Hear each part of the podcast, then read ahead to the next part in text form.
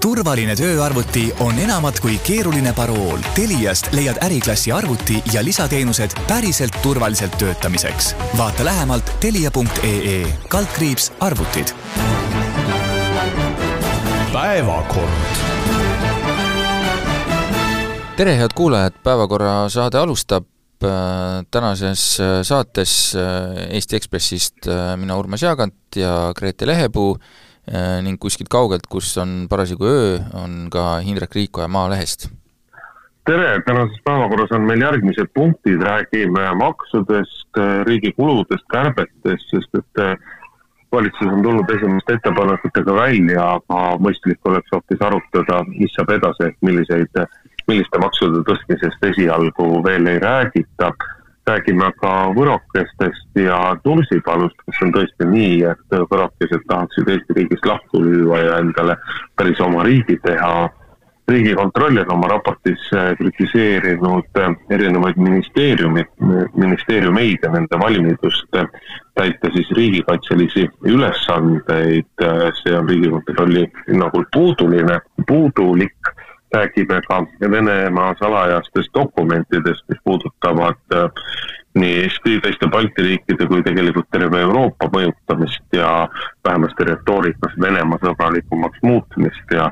saate lõpus räägime pisut ka sellest, kas äh, vandeadvokaat Paul Keres tegi Kaja Kallasele liiga, kas kohus mõistis Kaja Kallasele välja liiga suure hüvitise kuidas see, kõik see võiks edaspidist kohtutööd ja selliste kohtu kaudu hüvitiste äh, väljamõistmist ja nende suurust mõjutada. aga alustame siis maksudest, mis meil sel nädalal oleme siis teada saanud, valitsus on pannud kokku sellise äh, kena paketi, kus on äh, mitu seadusemuudatust, muudetakse siis nelja seadust, kui ma ei eksi, millega siis kergitatakse hulka aktsiise, hasartmängumaksu, käibemaksu ja tulumaksu, need siis osad siin erinevatel aegadel äh, jõustuma peaksid, aga äh, nende mõte kõigil on üks, äh, maksumuudatused. Nende eelnõude juures on muidugi ka hulk erinevaid andmeid ja mõjuanalüüsi moodi asju, nii palju kui neid teha on jõutud ja noh, eks peab muidugi arvestama, et kui tundub, et nagu väga kiiresti, siis küllap on kõik need varasematel kordadel ka, kui mingeid ideid on kerkinud, on läbi arvutatud, nii et siin võib-olla oligi ainult mingit kohendamist vaja uuemate andmetega, et selles mõttes äh, on meil olemas nüüd mingisugune vaade, äh, mida need maksud, äh, maksumuudatused siis endaga nagu kaasa võivad tuua eel, eelkõige siis nagu riigieelarve aspektist. ja mis meile paistab, no kui, kui mina vaatasin nendele numbritele peale, siis siis ütleme, paberil paistab see asi nagu täitsa kena välja, et kui tabelist vaadata, millised maksud äh, raha välja viivad, millist juurde toovad, siis kokku saadakse seal mõnesaja miljoni tuuris äh, selliseid plussmärke, noh aastati erinevalt, aga nagu paberi peal täitsa jookseb ju see tabel. probleem vist on selles, et no, ma tahtsin mina jõudsin enne, Indrek. ei, räägi, räägi, Grete, räägi, räägi, Grete, ma võin rääkida pärast ise edasi. aitüma äh, probleem vist on jah selles, et äh, ega me ei tea, kuhu poole see majanduskeskkond liigub ja me, ütleme, inimeste mm, kindlustunne on äärmiselt madal, ettevõtjate kindlustunne on äärmiselt madal. Äh,, inflatsioon, jaa, ma saan aru, on raugemas, aga ta nagu ei lõpe, on ju, et äh, mingisugust ostusööstu inimeste seas eh, ma kardan, ei paista. Äh,, kus see, nädal just oli ka prognoos, et tõenäoliselt kinnisvarahinnad jälle teevad hüppe üles. ühesõnaga, kõik läheb samas joones äh, raskesti edasi äh, ja käibemaks kui ütleme, nagu tarbimismaks või, või see jah, meie elu, elukäigumaks, on ju, ähm, et ka, kas see, kas see prognoos täitub, on ühesõnaga mu küsimus. ja see vist äh, nagu ma ei tea, ma saan aru, prognoosijatel on äärmiselt raske äh, et ega keegi täpselt ette ei oska öelda, mis saama hakkab. et ka need numbrid, mis sinna tabelisse kirja said, eh, on noh, niisugune ikkagi küsimärkidega. mina tahtsin Urmast vähemasti kahes asjas muidugi esialgu parandada või, või vähemasti Urmase välja öeldud täpsustada, et et meil on meil on siiski päris hästi teada, mille jaoks neid maksumuudatusi tehakse ja neid tehakse selle jaoks, et maksuküüru kaotamist, tulumaksuküüru kaotamist kompenseerida või hüvitada selle arvelt, see oli viimaste valimiste kõige kallim valimislubadus ja selle jaoks tuleb kuskilt raha, raha leida. Ja Urmas just ütles, et nagu mingisugused mõjuanalüüsid oleksid olemas, kui me tegelikult asjale muidugi otsa vaatame, siis äh, ausalt tuleb tunnistada, et äh, kõik need asjad on sisuliselt äh, läbi kaalumata, need on läbi arutamata, noh, vaatame kas või kõige, kõige lihtsam näide, uus minister Tiit Riisalogi on viidanud värskes, värskes usutluses sellele, et kui me räägime majutusasutuste käibemaksu tõusust, siis eh, Riia linnapea naeratab, eh, muigab ja rõõmustab selle peale, sest Riia saab järjekordse eelise ja riik ei tea tegelikult eh, siiamaani, mida sellised asjad tähendada võiks, aga, aga kuna valitsus on siiamaani rääkinud kogu aeg ikkagi sellest, et me peame jõudma eelarve tasakaalu poole. Me peame, põhiline nii-öelda maksumuudatuste põhjendus siiamaani on olnud äh, suurenevad riigikaitsekulutused, siis tegelikult me peaks äh, vaatama kaugemale ja, ja mõtlema selle peale, et kuidas siis tegelikult hakatakse, hakatakse seda äh, eelarve miinust katma, kust selle jaoks raha võetakse ja on ilmselge, et kui seda tahetakse kõike selliselt teha, nagu seni on räägitud, siis meil peavad tulema veel uued maksud, eelkõige Reformierakonnas, natuke koalitsioonis laiemalt sellel teemal räägitakse, räägitakse riigikaitsemaksust, mille tulek on üpriski tõenäoline, sellepärast et ligi pool miljardit eurot ühes aastas kasvavad riigikaitsekulutused, sellega me peame leppima, see on selline kahe-kolmeprotsendine maks inimeste sissetuleku pealt. ja, ja, ja otsitakse veel täiendavaid äh, maksukohustusi. kust kohast ei otsita, on äh, ettevõtete tulumaks, see on see koht, kust ei otsita seda raha. Indrek, sa mainisid kohe, äsasid selle majutusettevõtete käibemaksu tõstmise pihta aga see on nagu kõige väiksem osakaal sellest, äh, nendest summadest, mis, mida prognoositakse laekuvat äh, maksutõusudest. et see, see ei ole sul väga tugev argument? no mina ütleks selle peale, et see maksu, maksutõusude koht on, äh, mis puudutab seda majutusasutuse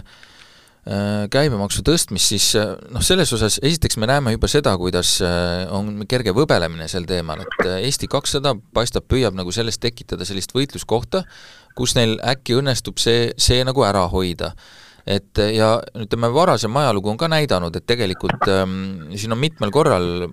mulle on tuletatud meelde, kas oli kaks tuhat viisteist vist, kus üritati ka, jõudis ka Riigikokku välja see nii-öelda majutusasutuste käibemaksu muudatus, aga seda ikkagi ei tulnud, et äh, ei maksa alahinnata äh, hotellipidajate lobivõimekust. Äh, Mm, et äh, ja siin on muidugi noh, sel-, selle, selle maksuga, selles mõttes teeb Eesti kakssada õigesti, et sellest ongi põhjust ka nagu rääkida, kuna sellel võivad olla nagu kaasnevad mõjud nagu ikkagi väga suured, et et kui me, kui me noh, isegi väga lihtne on ju ette kujutada olukorda, kus kus oletame, et see käibemaks tõuseb nii kõrgeks, et äh, turistidel on noh, soodsam olla, ma ei tea, kolmsada kilomeetrit kaugemal Lätis, eks ole, Äh, mis tähendab seda, et äh, jääb Eestisse saamata muu tulu, mida äh, turistid siia jätavad, ja kui need, ütleme, mingisugused majutusasutused peaksid pankrotti minema, oletame, siis, siis ei ole ka enam seda käibemaksu maksjat, seda kõrgema käibemaksu maksjat, millest, kus siis riik loodab nagu tulu saada, nii et see on, see on niisugune tõsine koht ja mulle näib, et ka Reformierakond on siin no olnud selline natukene ebalev või, või, või ma ei näe sellist enesekindlust nagu, nagu mõnede teiste maksude puhul, et et see on küll üks, üks asi, noh, mis, mis võidakse visata nii-öelda nagu äh, ühiskonna rahustuseks võib-olla sellest paketist välja ühel hetkel, et äh, et äh, siis tekib ka teisel poolel nagu nii-öelda eduelamus, näete, valitsus ei saa kõike, mis nad tahavad, ja siis nad saavad seal vaikselt ähm, äh, naeru pugistada, et on... eks see kõik oli nii enam-vähem planeeritud. kas see on strateegia või? Ärme lähe selle, ärme lähe selle, selle majutusasutuste käibemaksu,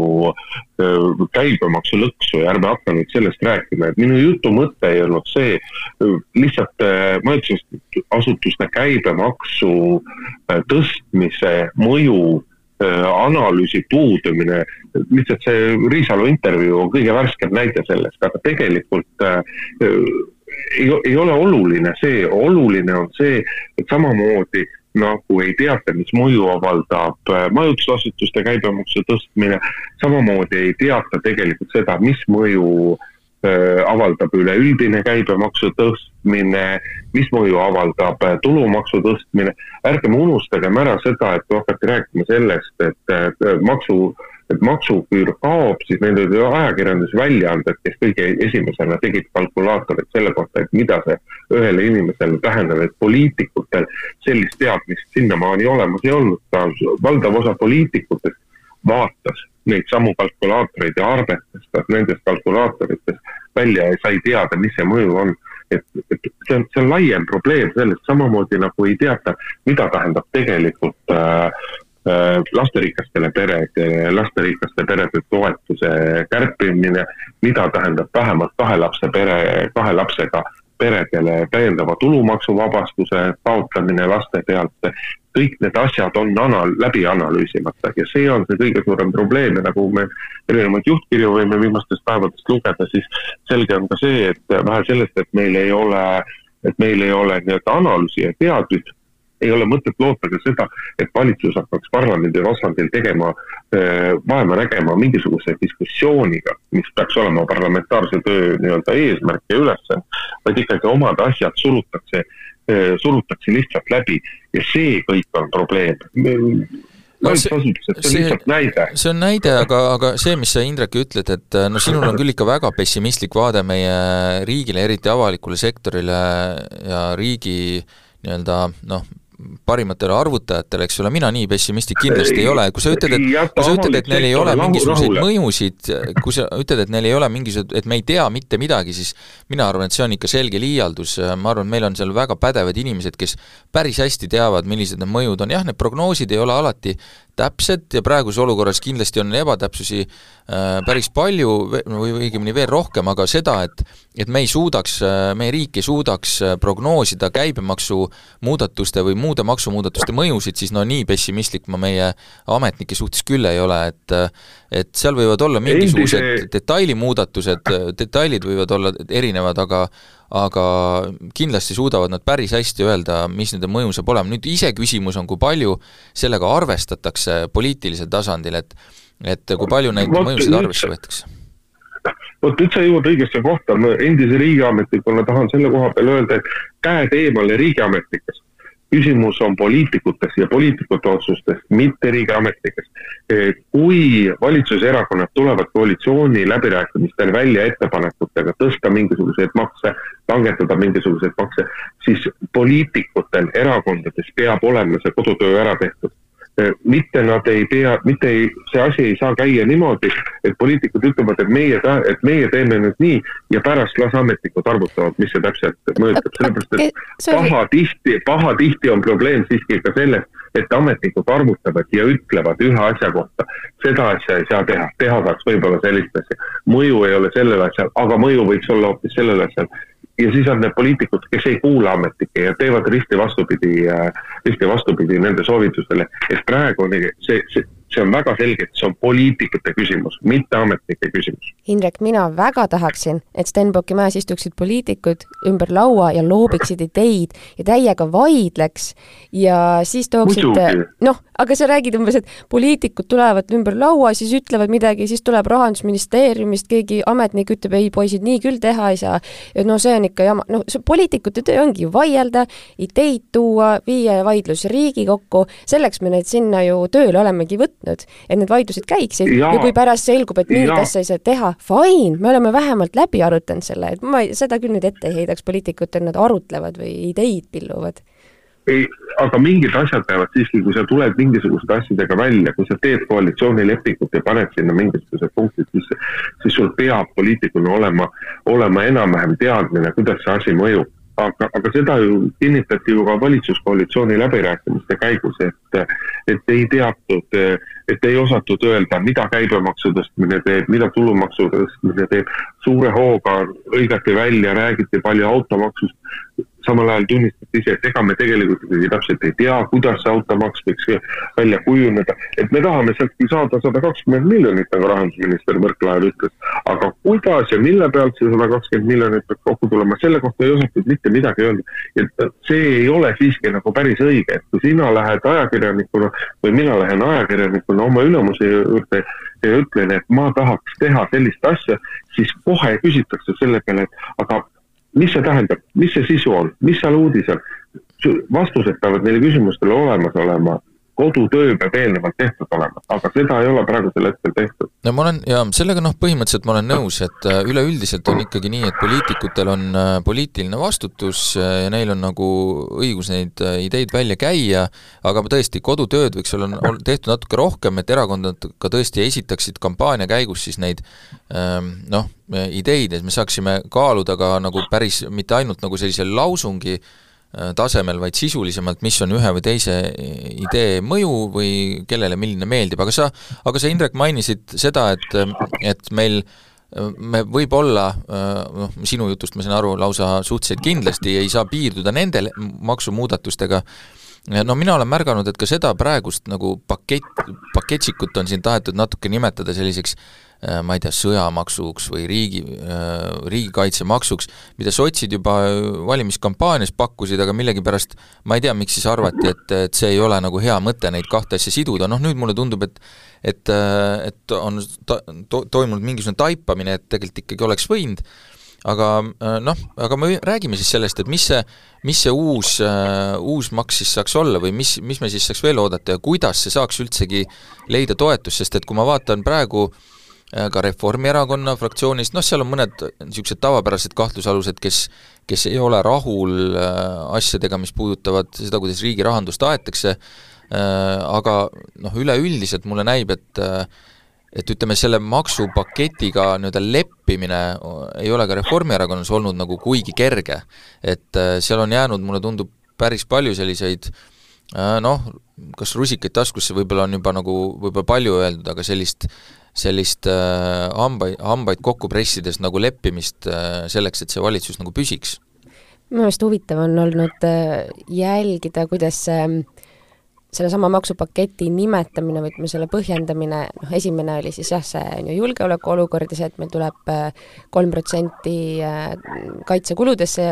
tõsta see kulutused kolme protsendini, aga nüüd minu meelest sellel nädalal ja mida rohkem opositsioon on äh, rünnanud koalitsiooni sellega ja, ja, ja täpsemalt Reformierakonda sellega, et te maksate, et me maksame nüüd kinni siis teie seda maksuküüru kaotamise, ehk siis teie kõige kallimat valimislubadust, seda rohkem, vähemalt Esimeses stuudios Mart Võrklaev mainis, et ei, teate, noh, meie esimene prioriteet on ikkagi viia Eesti riigieelarve vastavusse sellesse, mida nagu Euroopas meil siin ühisrahand-, ühisrahandus, rahandusruumis on vaja teha, on ju, et see narratiiv väga mugavalt nagu muutub, on ju, vastavalt rünnakutele. aga minu meelest äh, minu meelest võiks keerata vinti peale veel rohkem aktsiisidele, mina ei tea, miks ähm, leib või äh, mahlad on kallimaks läinud mingi kolmkümmend, nelikümmend, viiskümmend protsenti ja viin maksab ikka veel kuus eurot poes. ma ei tea, mitu aastat juba, on ju. Äh, et äh, minu meelest on, on see üks väga huvitav küsimus kuidas siis nüüd äh, viinasisendi hinnad tootmises ei ole absoluutselt muutunud, äh, ei ole probleemi olnud ei kallinenud äh, gaasi või mis iganes vilja hinnas, on ju, sellega võiks tegeleda. Ja võrdlemisi õrnakesti ikkagi lähenetakse igasugusele hasartmängundusele online'is. et sinna võiks ka ikkagi gaasid täiega rohkem põhja panna. ja viina hinna osas ma ütleks siis, et äh, naljaga pooleks, äh, tuues paralleeli kütusemaailmast, et ju on olemas äh, odavalt ostetud laovarud, mis, mida siis kulutatakse. aga, aga jah, et mis siis nagu veel teha saab, et kas, kas ühiskond neelaks alla mingisuguse veel täiendava ma ei tea, maksu või maksupaketi või mingi täitsa uue asja? Huvitav no,. me peame nüüd lähtuma ikkagi sellest, et, et mida tahetakse saavutada, et äh, ega siin on ju ka nii Mart Võrklaeva, Kaja Kallase kui, kui valitsuskoalitsiooni seisukohad nende lühikeste nädalatega ju tegelikult muutunud, et äh, ka alguses räägiti kogu aeg sellest, et äh, meie eesmärk on leida kate suurenevatele riigikaitsekuludele ja meie eesmärk on äh, nii-öelda viia riigieelarve tasakaalu, siis nii kui numbrid välja tuli, noh nii ei saanud enam rääkida sellest, et nii tasakaalust kui ka ei saanud rääkida riigikaitsekuludest, sest et noh, iga inimene, kes arvutada oskas ja, ja kes praegu arvutada oskab, eks ole, näeb, et maksuküüru kaotamine maksab nii palju ja praeguste maksumuudatustega, ehk siis räägime käibemaksu tõus, tulumaksu tõus, aktsiiside tõusud, tulevane automaks pluss äh, osade toetuste, eelkõige lasterikaste perede toetuse kaudu vähendamine ja, ja täiendav tulumaksuvabastus äh, alates teisest lapsest, nende, nende kadumine, need katavad selle maksuküüru ära. sa ütlesid väga õigesti, et Mart Võrklaev räägib nüüd sellest, et meie eesmärk on jõuda nii-öelda Euroopa Liidu poolt kehtestatud kriteeriumini, see tähendab siis, et, et ei tohi riigieelarve puudujääk aastas olla suurem kui kolm protsenti äh, riigi SKP-st. et äh, vot nüüd on muidugi huvitav küsimus, et kas, kas see tähendab, et, et nende praeguste muudatustega võiks teoorias enam-vähem selleni jõuda äh, need prognoosid, arvutused pigem seda näitavad, et, et kui need muudatused ära teha, et siis me jõuame selle kolme, kolmeprotsendise miinuse peale et kas nüüd nii-öelda Reformierakond jääbki siis selles kohas nagu pidama ja edaspidi järgmisel nelja, neljal aastal seda puudujääki kaot-,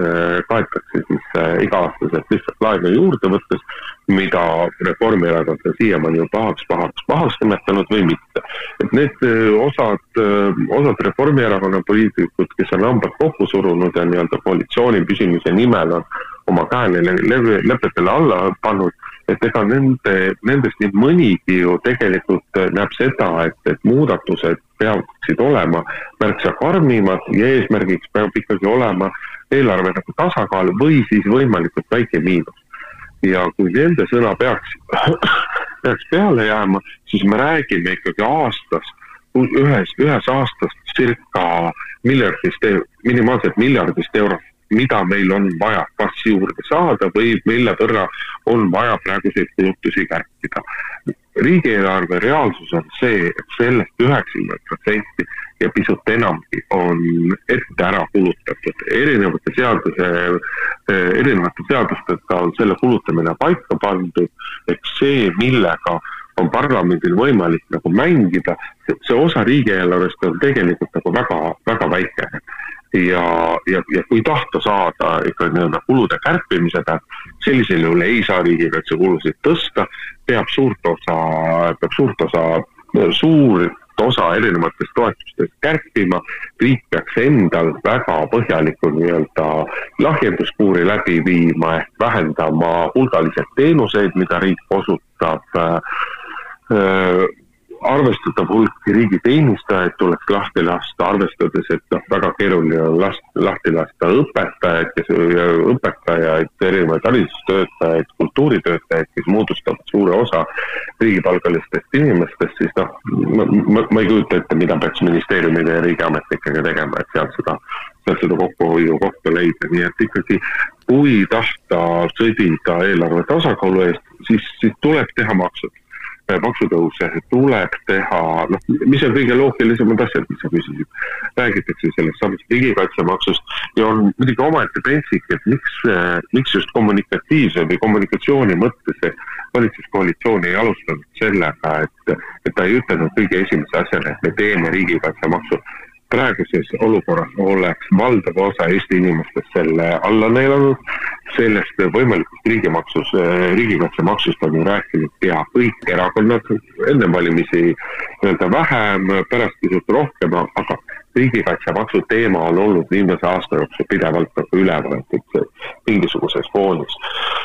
ettevõtete tulumaks on, on teine suur koht, kust on võimalik äh, lisaraha teenida, noh ja siis on võimalus, ärme unusta, et mitte väga ammu oli üksikisiku tulumaks Eestis kakskümmend kuus protsenti.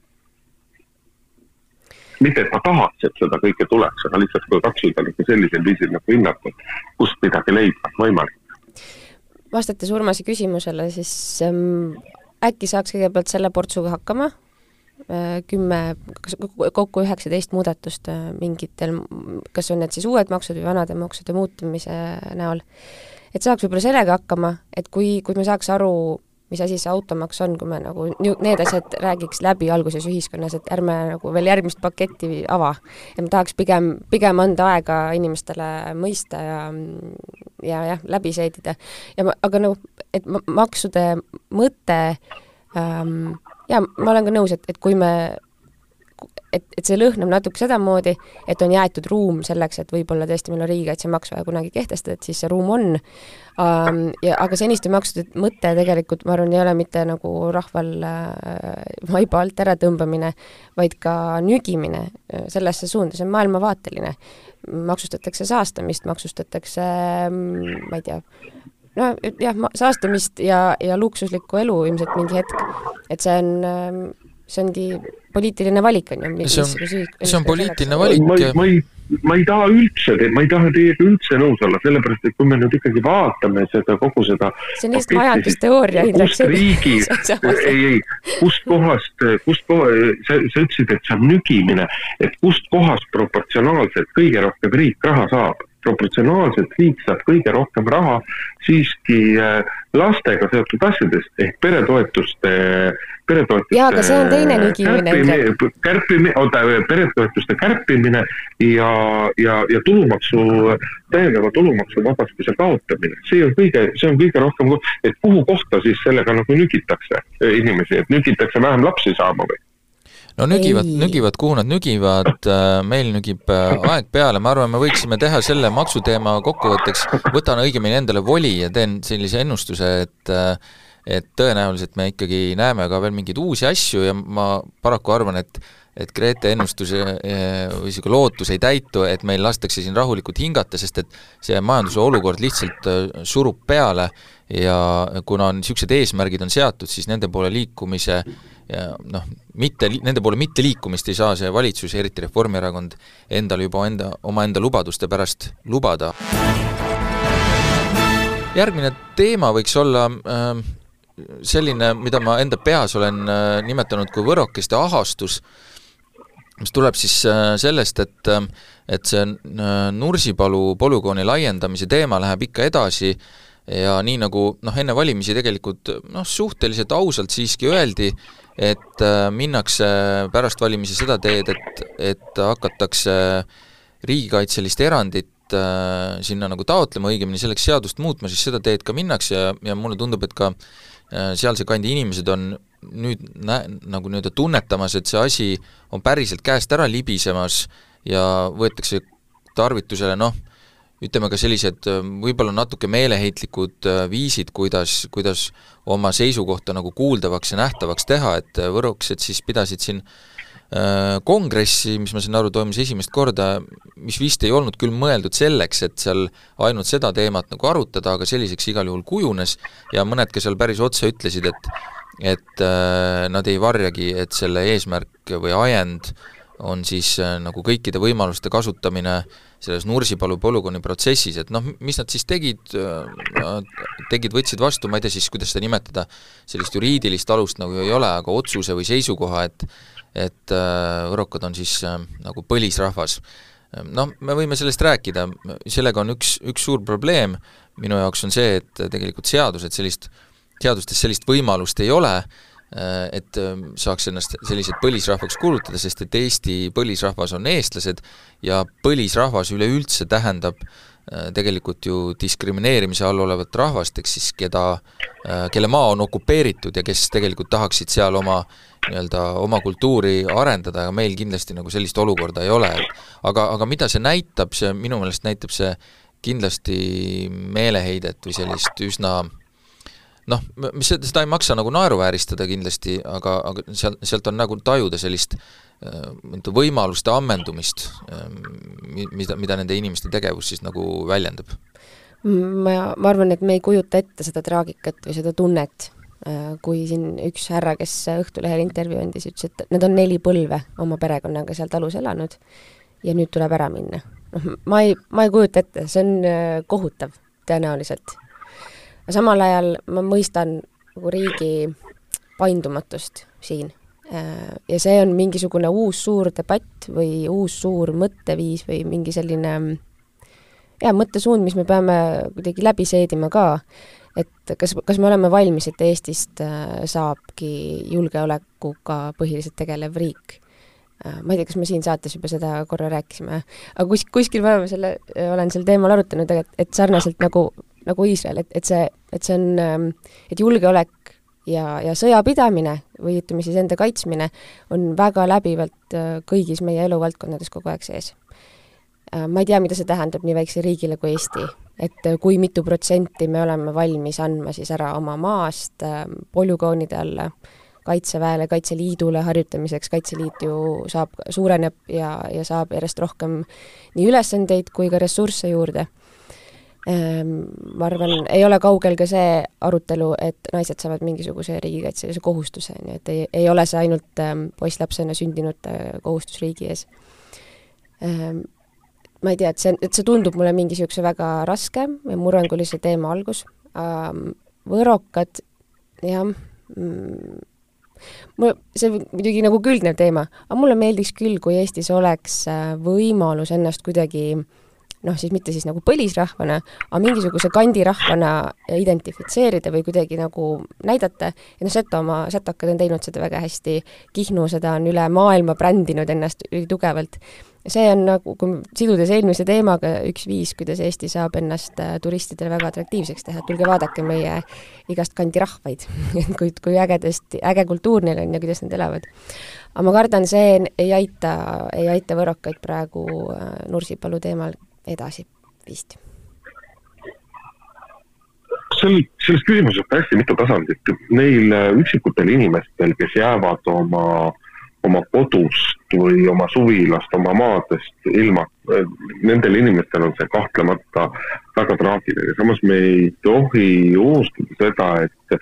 et riik ei ole tegelikult tahtnud neile inimestele kunagi nagu mütsi pähe tõmmata ja riik on, äh, riik on olnud valmis, riigil on olnud sisuline valmisolek neile see väga heldelt hüvitada. lihtsalt kõik need asjad võtavad aega ja need asjad ei saa, ei saa käia nipsust, aga oleme siiski, oleme siiski ausad, et Nursipalu laiendus ei võta ära tohutult suurt tükki Võromaast. Nursipalu laiendus ei puuduta äh, suurt osa või valdavat osa võrokestest ta tegelikult siiski puudutab nagu väga kaudselt, et eh, et eh, nende elu ei lähe kuidagi hullemaks, kui mõnes suurlinnas elada või elamine või, või, mida iganes. aga, aga kõik see pani mind nagu paratamatult siiski nagu mõtlema sellele, et kuidas me reageerime sellest, kui see kaunis küsimus, et keda see kongress esindas, kui suurt osa äh, kui suurt osa võrokestest või Võrumaa elanikest see esitas. mis see volitus oli sellel kongressil niimoodi teha, et lihtsalt ma, ma ei häbene siin tõmmata seda paralleeli, aga me peame mõtlema ka niipidi, et, et aga kuidas me reageeriksime, kui Narvas tuleks kokku viissada või tuhat narvakat ja hakkaks rääkima sellest, kuidas, kuidas ikkagi äh, kuidas neid ahistatakse, kuidas nemad tahavad endale saada eristaatust oma keelele, oma kultuurile ja kõigele sellele. et sisuliselt see siiski on, on, on samasugune asi, nagu võraksed tegid. ja sellisel juhul me mitte mingil juhul ju ei aktsepteeriks nende selliseid avaldusi, nende selliseid seisukohavõtte ja kõike seda. et, et, et kõiki tuleb nagu, kõiki tuleb kohelda võrdselt, et see ei ole nagu nii nii lihtne, et, et need võrokesed tulevadki kokku, noh, üks asi on nagu juriidiline küsimus, et mis asi on nagu vähemusrahvus ja,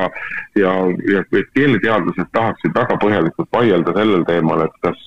kas võro keel ikkagi on keel või on see lihtsalt üks murre. Ja, ja noh, sealt leiab kõiki selliseid asju nagu, asju nagu väga palju ja, ja kogu ka selle nii-öelda Nursipalus on ju ka väga palju Võru enda inimesed ju juhivad tähelepanu tegelikult sellele, et, et väga paljud inimesed, kes justkui on nii-öelda võitluses esirinnas, siis nende puutumus selle Nursipalu laiendusega ja vahel ka nagu Võrumaa enda asjadega on tegelikult suhteliselt kasin no ma olen sellega nõus, et see puutumus võib olla kasin ja ilmselt ongi, meil on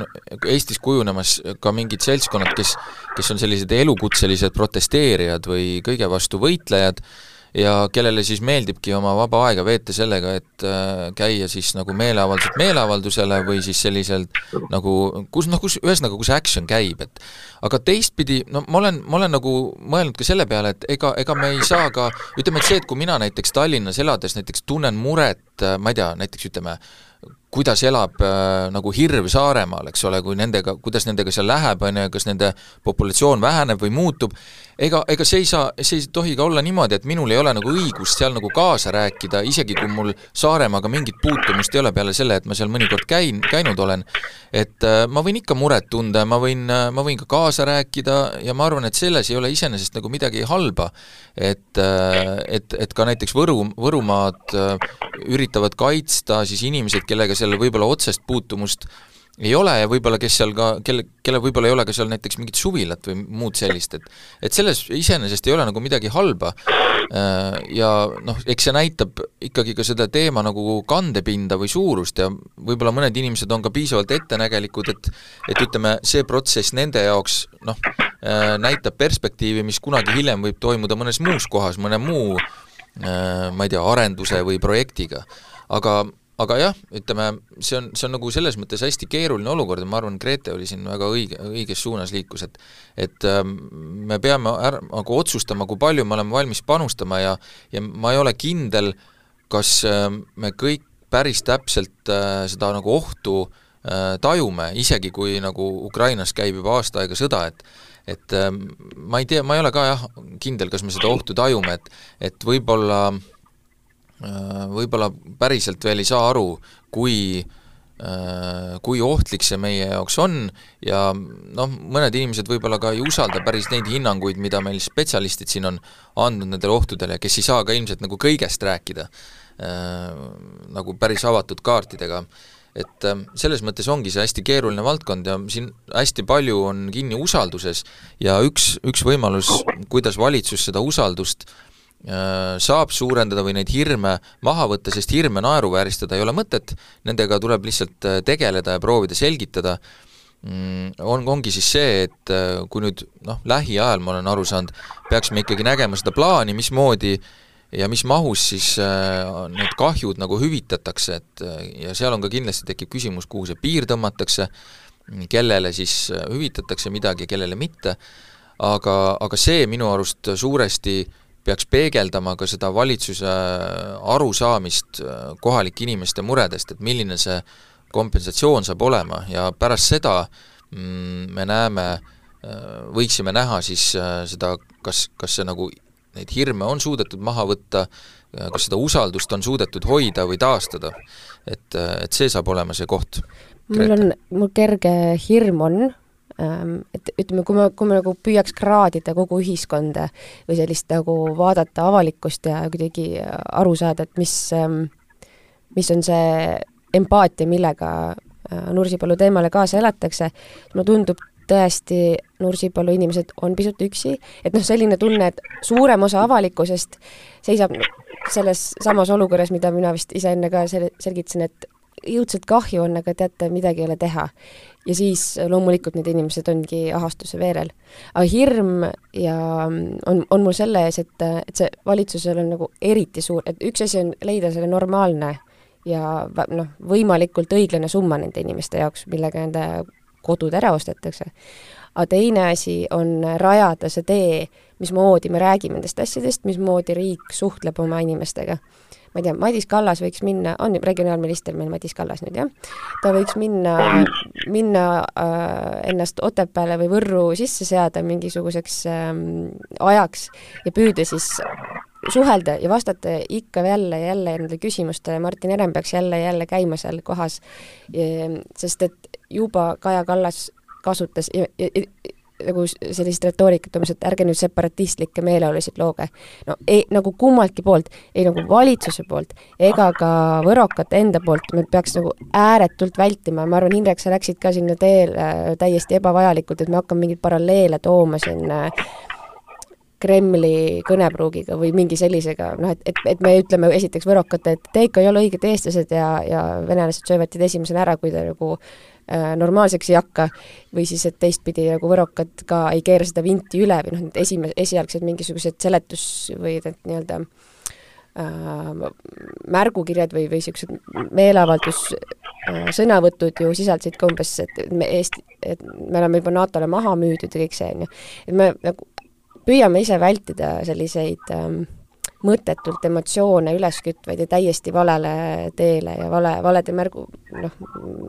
sõnapilvedega suhtlemist. et valitsus peab ääretult empaatiline olema, Madis Kallas, pane juba saapad jalga ja hakka minema sinna Võrumaale ja, ja, ja näidake, kuidas ilusti neid asju ajada. lõpuni ilusti ei saa, ma olen kindel ma tahaks just öelda, et, et, et hoidku jumal selle eest, et, et Madis Kallas või, või Hanno Pevkur sinna läheks, läheks mitte sellepärast, et, et nad kuidagi oleksid rumalad inimesed, mitte seda ma ei taha öelda, aga, aga poliitikud oleksid pidanud laskma vastupidi kaitseväel selle küsimusega rohkem tegeleda ja peamiselt tegeleda ja ma usun, et siis oleks olnud suhted kohalike inimestega palju paremad, et siin ikkagi ju poliitikud ise nagu käkkisid, käkkisid oma kommunikatsiooniga suure, suure osa asjadest ära, aga samas ma, ma ei, ma ei taha sinuga kindlasti nõus olla selles, et ei pea, et ei pea juhtima tähelepanu äh, sellele, kuidas mingisugused asjad võivad mõjuda ja ega selle võrokeste pöördumise üks suuremaid probleeme ongi, ongi siiski see, kuidas see mõjub, mõjub, et noh, et et see ühest küljest see on nagu noh, nõme ja vastik on selle nii-öelda venelastega Narvas paralleeli tõmbamine või rääkimine Kremlis, aga, aga samas see paraku on nagu tõsi, et me näeme seda, me näeme seda hästi paljudes eluvaldkondades ja me tegelikult saame siin ühel teemal, teema raames sellest ka veel rääkida, aga aga, aga kui mõelda ainult iseenda peale ja mitte mõelda sellele, kuidas see iseenda peale mõtlemine võib laiemalt äh, mõjuda, laiemalt välja kukkuda. et noh, see, see on, see on väga lühinägelik, see on väga lühike ja seda eriti riigikaitselistes küsimustes. Indrek, see, see ei ole tõsi selles mõttes, et sellega, et sa selle asja viid kohe julgeoleku Vene teemade juurde Narva küsimuseni, sa paned selle arutelu lukku sest et mitte üks inimene Eestis, kes on südamega eestlane, põliseestlane, põlisrahvas siin, ei ole ju nõus sellega, et anname Narvale mingisuguse äh, iseseisvusvõimaluse, loomulikult me ei ole, aga see on teine asi võrokatest, absoluutselt erinev. ja sa mõtled, noh, sisuliselt jah, need võivad olla nagu samad asjad, et nad tahavad mingisuguseid eriõigusi, aga taustsüsteem on ju totaalselt teine. on täiesti teine. ei, siin sa, Grete, oled täiesti valel teel me peame, me peame olema uhked selle üle, et me oleme demokraatlik riik ja sellistes olukordades me peame olema demokraatlik riik no. ja me ei saa kehtestada topeltstandardeid. ma ei, see, see on see kaunis ütelnud sellest, et mulle ei meeldi, mulle ei meeldi see, mida sa ütled, aga ma olen nõus surema selle nimel, et sa saaksid seda ütelda ja siin on samamoodi, me ei saa Eestis lubada enda jaoks seda, et me kohtleme erinevalt saarlasi, narvakaid, võrokaid tallinlasi või ma ei tea, põlvakaid. me saame küll. tuleb ühtemoodi kohelda ja ühtemoodi tuleb nendesse suhtuda. Indrek, lähtepunkt on ju erinev Indrek, lähtepunkt on erinev. Narvas ei, separatistlikke meeleolusid tekitab kes, mitte Eesti inimesed. teatud tingimuste, teatud tingimustel on mõrv lubad, eh, on natukene koššer ja teatud tingimustel mõrv ei ole koššer. et eh, me ei saa, ei, me ei saa arutelu sellele tasandile lasta, me peame võrdselt kohtlema Kas... sellistes asjades aga nagu okei okay,, ma ei viitsi, ma olen oma pointid öelnud, ma arvan, kuulajad on neid kuulnud, et ma jään oma seisukoha juurde. ma arvan, et selle, selles asjas, selle, selles osas ma olen äh, Gretega nõus, et, et kui, kui see arutelu lükata kohe sinna kohta, et me hakkame rääkima äh, sellest, et kui te olete selle vastu, siis te põhimõtteliselt olete nagu meie riigi vastu või te tegelete siin jumal teab millega või olete mingi mõjutuse ohvrid, siis see on nagu tõesti halb tee, kust nagu äh, väga kiiresti see diskussioon nagu sumbub ära, et, et me et äh, kahjuks see ma olen teiega täiesti, ma olen teiega täiesti nõus, aga vaadake, te, aga, aga teie teed, aga teie hakkate seda, mida mina tahtsin öelda, on see, et, et, et kõik peavad mõtlema, mida nad ütlevad ja, ja, ja, ja, ja võrokesed, võrokeste kongress oleks pidanud samamoodi nagu oleks pidanud valitsus Nursipalust rääkima hakates, oleks pidanud seda hoopis teistmoodi kommunikeerima. samamoodi ka praegusel hetkel võrokesed oleksid pidanud seda kõike hoopis teistmoodi, teistmoodi kommunikeerima. sõnadel on tohutu jõud, tohutu jõud ja sõnadega on võimalik suurepärased asjad viia taevastesse kõrgustesse või tampida juba ennem, kui need asjad alati jõuavad täielikult mutta, seda kõike peab valima, mida öelda ja kuidas öelda. aga praegusel hetkel tegelikult selle Nursipalu üks suuremaid traagikaid on see, et mitte ükski osapool ei suuda ennast nii-öelda nagu normaalselt ja mõistlikult väljendada. kaitsevägi teeb seda vaata et kõige paremini, aga, aga kõik teised osapooled kolistavad järjest ämbreid ja, ja, ja, ja tegelikult me nii-öelda sellest, sellest lahendusest, millest inimesed saaksid aru ja millega inimesed lepivad, me sellest lahendusest liigume muudkui kaugemale, kaugemale, kaugemale, kaugemale. liigume meiega kaugemale, liigume natukene samal teemal,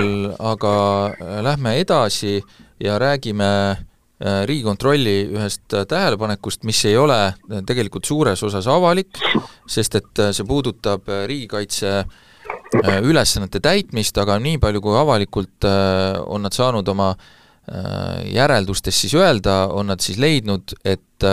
enamiku auditeeritud ministeeriumite valmisolek on puudulik, mis puudutab neile määratud riigikaitseülesandeid, ehk siis väga lihtsalt öeldes, ministeeriumid ei ole võimelised või on puudulikult võimelised täitma riigikaitseülesandeid, mis on siis neile pandud, sest et vist praktiliselt kõigil ministeeriumitel on mingi roll äh, sellises olukorras, kus meil on mingi riigikaitseline probleem ja äh, tulemus on siis see, et äh, puudusi on neis kõigis ja mis see tervikuna tähendab, see tähendab seda, et kui mingi olukord peaks juhtuma, siis on meil paras mäsu, et mida sellest nagu arvata, no meil üks, üks noh, ütleme üks etteheide varem on olnud see, et meil kuidagi äh, riigikantselei riigisekretär Taimar Peterkopi, kes on noh, vist Kaitseministeeriumi taustaga tegelikult, tema juhtimisel on nagu koondunud või hakanud koonduma äh, sinna Riigikantseleisse mingi hulk teadmist või sellist võimu, mis puudutab sellist strateegilist planeerimist ja riigi juhtimist sellistes kriisiolukordades, äh, siis nüüd mulle tundub, et see audit tegelikult, nii palju kui me sellest avalikult siin lugeda saame, tegelikult äh, kinnitab seda, et see äkki ongi siis vajalik, et see koguneks sinna nagu ühte kohta, kuna kuna selgub, et äh, keegi peab seda asja keskselt juhtima äh, ja palju tööd on seal vaja tegelikult teha, sellepärast et ministeeriumid ei ole valmis mingiteks kriisideks. minul ei ole see kahjuks ikka üldse üllatus. on kurb tõdemus, aga ei ole üllatus, sest meenutaks teile ühe märksõna vaktsi-, vaktsiinitsaari otsisime meie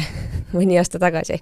ja see küll ei ole noh, otseselt riigikaitseline asi, aga, aga see koroonakriis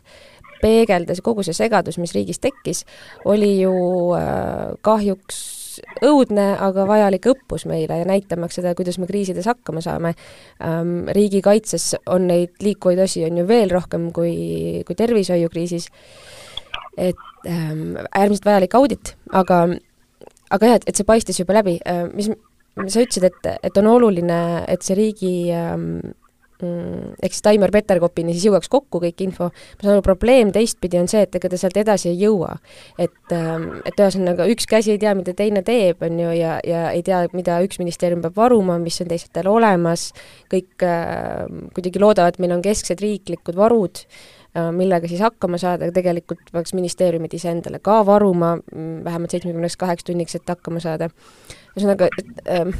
et teema on natukene ju abstraktne, et siin ei saa nagu rääkida väga detailselt, sest et see jah, raport on suures osas kinnine, aga see, ta ikkagi peegeldab kõike seda, mida me juba nägime koroonakriisis ja ja siis ka väiksemas mahus on ju nüüd Ukraina sõja alguses, kui põgenikega seonduv äh,, Eestisse jõudis põgenikevool ja siis neid püüti siin igal pool ära majutada, toita, katta, jälle olid kuidagi nagu pead laiad, laiali jala, pea laiali otsas ministeeriumites äh,, et äh, küsimus tekib, et meil justkui neid õppekohti on olnud viimase viie aasta jooksul tohutult, et no mida passime, aga mul on sinna tohutut ähm, empaatiat Taimar Peterkopi suhtes, et ta vist ise ütles seda välja ka, et sõbrad, me ju olemegi tegelenud nende eelmiste kriisidega, et me ei ole nagu jõudnud äh, teha siin mingisuguseid kokkuvõtteid nüüd veel ka sõjaks valmistumisel. et ma usun selles, et, et see nii on ähm,, aga jällegi noh, et ma ei tea, koroonakriisi näitel, sealt juba oleks võinud nagu noh, nagu inglise keeles öelda, et pardid ritta võtta, on ju, ja asjad korda teha ma ei taha sihuke tead nagu kõlada nagu hädaldada nagu jälle see, selle poole nagu kipub minema. ma ei oska sellest auditist midagi öelda, sest et nagu te olete korduvalt öelnud, ega me ei tea ju tegelikult, mis selle auditi, auditi sees on, aga ma korra siin mainisin, et minul endal on ka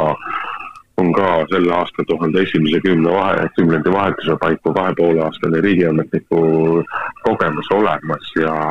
ja, ja meenutab toonaseid aegu ja, ja, kuulates ametlikke endiseid kolleege praegusel hetkel ka, siis üks suuremaid hädast on, on, on selles, et riigiasutused ei mõtle kõigile sellistele äh, küsimustele, erinevatele kriisidele süstemaatiliselt ja süsteemselt, vaid see tohutult palju sõltub sellest, milline ametnik satub parasjagu mis küsimusega tegelema ja kui ihu ja hingega see ametnik selle küsimuse äh, kallal äh, juures on ja mis saab tehtud asjadest, tehtud plaanidest siis, kui see ametnik peaks ära minema, kas tal on kellelegi sisuliselt ja tee, sisuliselt ja praktikas neid, neid küsimusi edasi anda. on see siis tegemine te,, tegelemine tervisekriisidega, riigikaitse küsimustega, toiduga varustamisega, kriisikommunikatsiooniga, milles iganes ja, ja noh noh, võib ju öelda jah, et noh, et meil siin koroonakriis alles oli ja me ei ole jõudnud kokkuvõtteid teha, aga tegelikult need, need juured lähevad aastakümnete taha ja lähevad kogu selle taasiseseisvumise peale, sest et ega me, kui me nagu päris ausalt ütleme, siis peale linnugripi ei olegi vist Eestis ühtegi, ühtegi suuremat kriisi, millega oleks saadud suhteliselt kiiresti, suhteliselt operatiivselt järje peale, vaid alati on kõiges olnud äh, olnud üks häda ajanud teist taga ja, ja tegelikult ei olda, ei ole kriisideks kunagi oldud valmis, kuigi just, justkui paberi peal peaks asjad kõik olema nagu klaarid, et on olemas tegutsemisplaanid, tegutsemiskavad, protokollid, mis kõik iganes. aga kui neid asju on põhjust ellu rakendada, siis see ei toimu ja, ja meil on tulnud järgi, järjekordne audit, mis tegelikult seda tõestab. kuidas seda muuta, ma, ma, ma ei kujutagi päris täpselt ette. ma arvan, et osalt muudab seda elu ise, et, et suur osa ka nendes koroona õppetundides, mida tegelikult üksjagu on kokku võetud äh, ministeeriumites riigi tasandil ka, sealt tuleb välja, noh, punkt üks on see, et me lihtsalt, me oleme elanud nii mugavat elu et me, meil on aega olnud pabereid teha, meil ei ole aega olnud õppusi teha ja siit ähm, paras edasi minna ka natuke jällegi haakuva teemaga, aga veidi teisest nurgast, mis võib-olla avab natuke ka seda, miks meil on vaja nii polügooni kui miks meil on vaja olla valmis erinevateks kriisideks. Ähm, päevalehes on ilmunud äh, suur ja oluline lugu koos teiste maailma väljaannetega samamoodi, mis siis räägib sellest, äh, avab õigemini tausta Venemaa salajastest dokumentidest, mis siis äh, räägivad sellest, millised plaanid on olnud äh, ja on äh, tõenäoliselt Venemaal äh, strateegiliste huvidena Balti riikidega. ja mis me sealt siis teada saame, noh, me oleme saanud teada põhimõtteliselt seda, mida me oleme, eks ole, kogu aeg nagu arvanud äh,, kuidas äh, ja milliselt proovitakse siin seda ühiskonda mõjutada ja suunata ühele või teisele poole, mida see lugu ja see materjal annab, see näitab ikkagi äh, noh, ütleme vähemalt jällegi paberil väga, väga sellist tõsist läbiplaneerimist, äh, mismoodi mingeid operatsioone tahetakse ellu viia või mida tahetakse saavutada, ja ausalt öeldes, kui neid vaadata, siis siis äh, tekib küll nagu arusaamine, et äh, ei ole mitte midagi juhuslikku mingites asjades, mis mis Eestis toimuvad, mis näivad selliste, ma ei tea, üksikute skandaalide või selliste asjadena, aga kui vaadata äh, Äh, neid äh, nii-öelda noh, paljastusi või avastusi nendest lekkinud dokumentidest, siis see on näha ikkagi täiesti süsteemne lähenemine ja mis teeb selle nii-öelda minu jaoks nagu kõige noh, ütleme hirmuäratavamaks, siis on see, et et äh, seal ei ole ütleme sellist nii-öelda ühte operatsiooni, et kui see läheb, kui see läbi kukub, siis on kõik läbi ja kõik on tuksis, vastupidi, üks operatsioon ei õnnestu, siis on järgmised käigud, siis on järgmised käigud ja Venemaal aega on, ütleme niimoodi. see on Venemaa eluviis ja maailmavaade ma võtaksin kokku. üks asi on, üks asi on, mida see näitab, on see, kui süsteemselt sellega tegeleb, aga tegelikult see kõik annab tunnistust ka sellest, et kui palju on tegelikult äh, see, see väljend kõlab inetusti eh, kasut-, kasulikud idioodid, aga, aga kahjuks see on nagu sulatõsi, et kõiki neid operatsioone viiakse läbi sellepärast, et meil leidub väga paljudes eluvaldkondades, meil leidub neid inimesi, kes ei mõtle asi, millest me natukene ennem rääkisime, kes ei mõtle seda, et millega nende Eh, nende käitumised, nende teod, nende sammud, nende väljaütlemised, millist mõju need võivad laiemas pildis, laiemas pildis omandada, et siin me räägime, antud juhtumil me räägime siis plaanist, kuidas nii-öelda keskenduda justkui pealt teha nii-öelda keskkonna, looduse, mereelustiku ja kõigi nendele teemadele, aga selle varjus siis tegeleda sellega, et ühest küljest näidata seda, kuidas Venemaa ja Venemaa aetud asjad on koššer, eks ole, ja teisest küljest siis nii-öelda õõnestada ikkagi kõike seda, eh, seda lääne ühiskonda, keda Vene, eh, Venemaa enda vaenlasena käsitleb, et,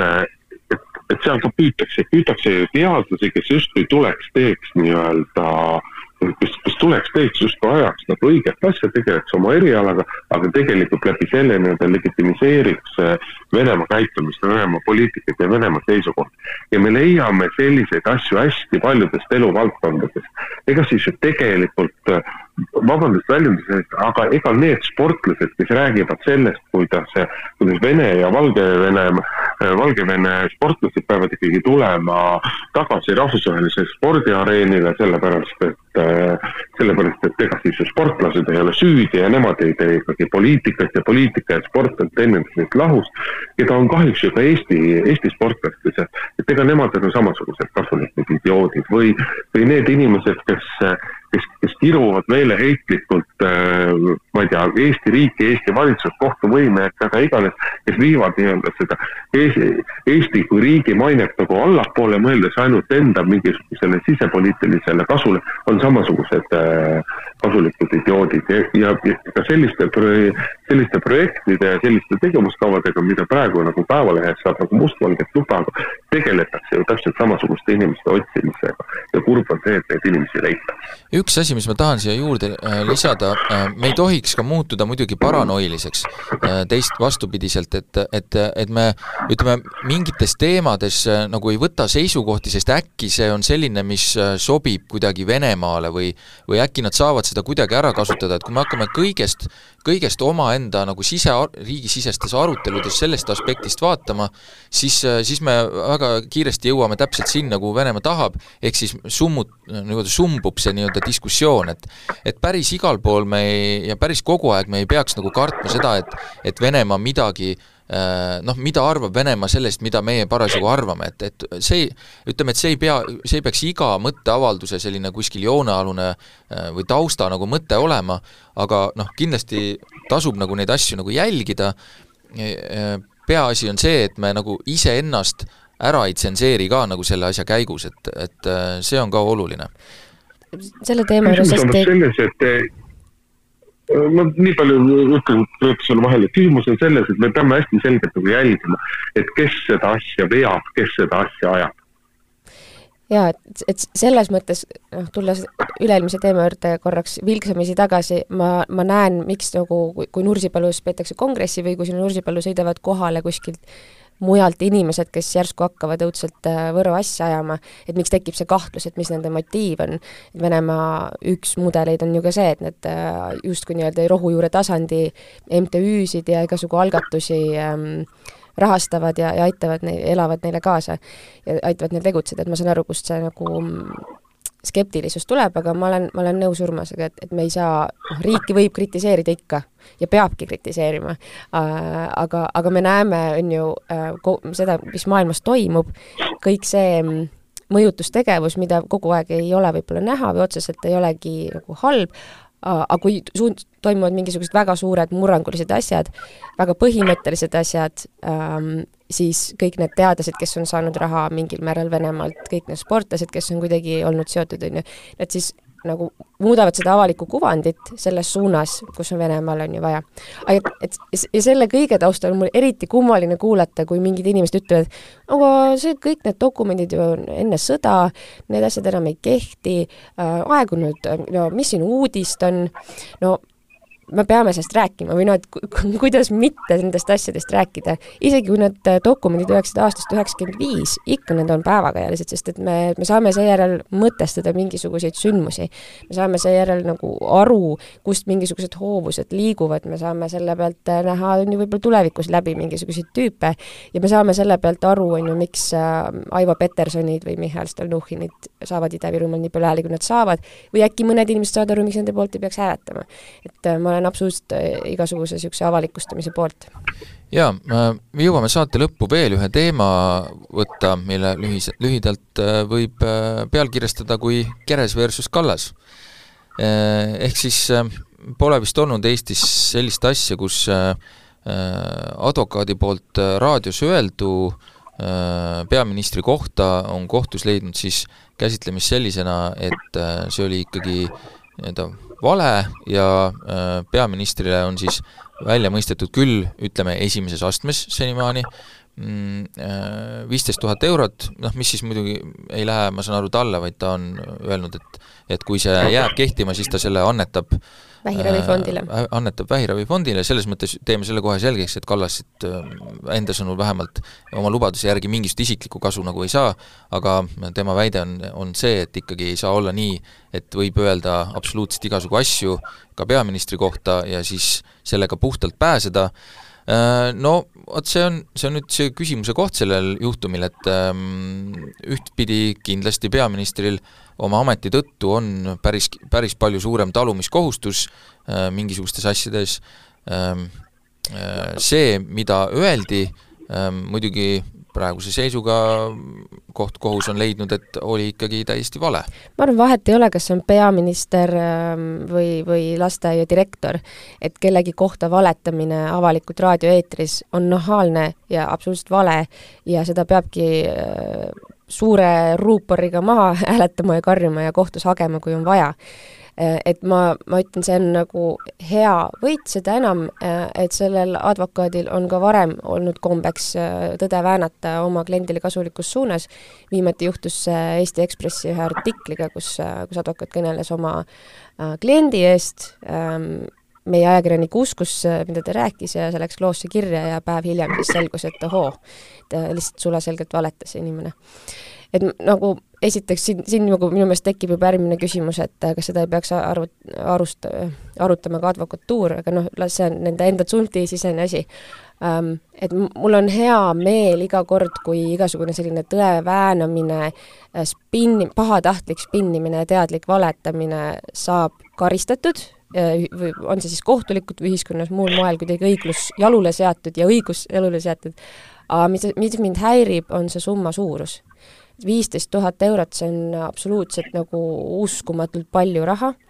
ähm,. ma, jätame nagu kõrvale, et jah, võib-olla tõenäoliselt Kaja Kallas tehti võib-olla viieteist tuhande euro väärtuses kahjut, aga ma ei, ma ei tahaks, et meie Eesti kohtud muutuvad taoliseks nagu Ameerika kohtud, kus nagu sul on võimalus iga väiksematki sammu või eksimust ähm, või kedagi vaigistada, on ju, rahaga. Äh, et jah, see on okei okay,, kui seda mõr-, nõutakse, on ju välja inimeselt, kes saab seda maksta ja Keres edu, eduka advokaadina seda saab ilmselt teha, aga siin tekib see oht, et äh, selle, sellise praktikaga hakatakse summutama neid, kellel ei ole seda raha ja kes otsustavad oma võitlusest loobuda. ja tõenäoliselt see ei ole õiglane. mina ei ole seda meelt, et see, see rahasumma on, on nii tohutult suur, et, äh, et kui me vaatame, mille eest või kui palju Eesti kohtud hüvitisi määravad, siis tihtipeale on need,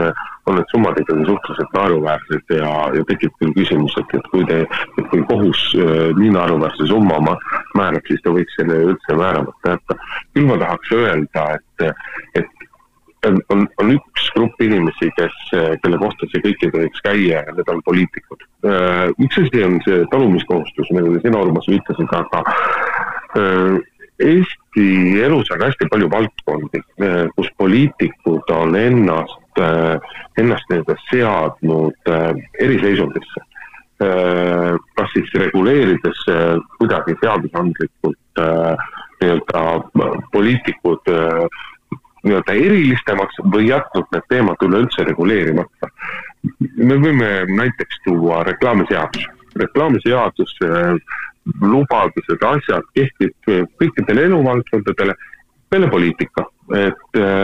see, kui poliitikud enne valimisi teevad reklaami, lubavad, et nad teevad selliseid asju, siis kui teeb see niimoodi eraettevõtja ja pärast oma lubadust ei täida, siis on teda võimalik karistada, poliitikut ei ole karistada. me võime nii lihtsatele tasanditele tagasi jõuda nagu sissetulekute indekseerimine. aga, aga tegelikult noh, neid, neid kohti on väga palju ja neid näiteid on väga palju, kus poliitikud on jätnud ennast, ennast eristaatusesse ja seetõttu minu arust kohtud poliitikutele ei peaks mõistma selliseid, selliseid, selliseid kahjutasusid välja, et, et me peaksime liikuma selle poole, et Eesti poliitiline kultuur oleks parem. see, mis praegu ikkagi nii-öelda vastastikku toimub, mitte ainult ühe erakonna poolt, vaid, vaid valdav osa parlamendierakondade poolt, seda kui lihtsalt, kui halba, kui lihtsalt ja kui halvasti öeldakse inimeste eh, vastastikku ja tõesti, kuidas teineteise kohta ikkagi täiesti külma kõhuga valetatakse ja kõik, et see kõik on nagu väga masendav, aga, aga poliitilist kultuuri me ei saa hakata muutma läbi, äh, läbi kohtus mõistetavate kahjuhüvitiste. ja ega see vaidlus siiski ju, kuigi seal üks pool justkui on advokaat, ka see on tegelikult on see poliitiline vaidlus. see on, tegelikult on see ühe Reformierakondlase ja ühe keskerakondlase vaidlus sellega päevakord tänaseks äh, ka lõpetab, äh, täname kõiki, kes meid kuulasid, stuudios olid äh, Eesti Ekspressist Urmas Jaagant ja Grete Lehepuu ning Hindrek Riikoja Maalehest, järgmisel reedel järgmine saade, head päeva! Turvaline tööarvuti on enamat kui keeruline parool. Teliast leiad äriklassi arvuti ja lisateenused päriselt turvaliselt töötamiseks. vaata lähemalt telia.ee kaldkriips arvutid. päevakord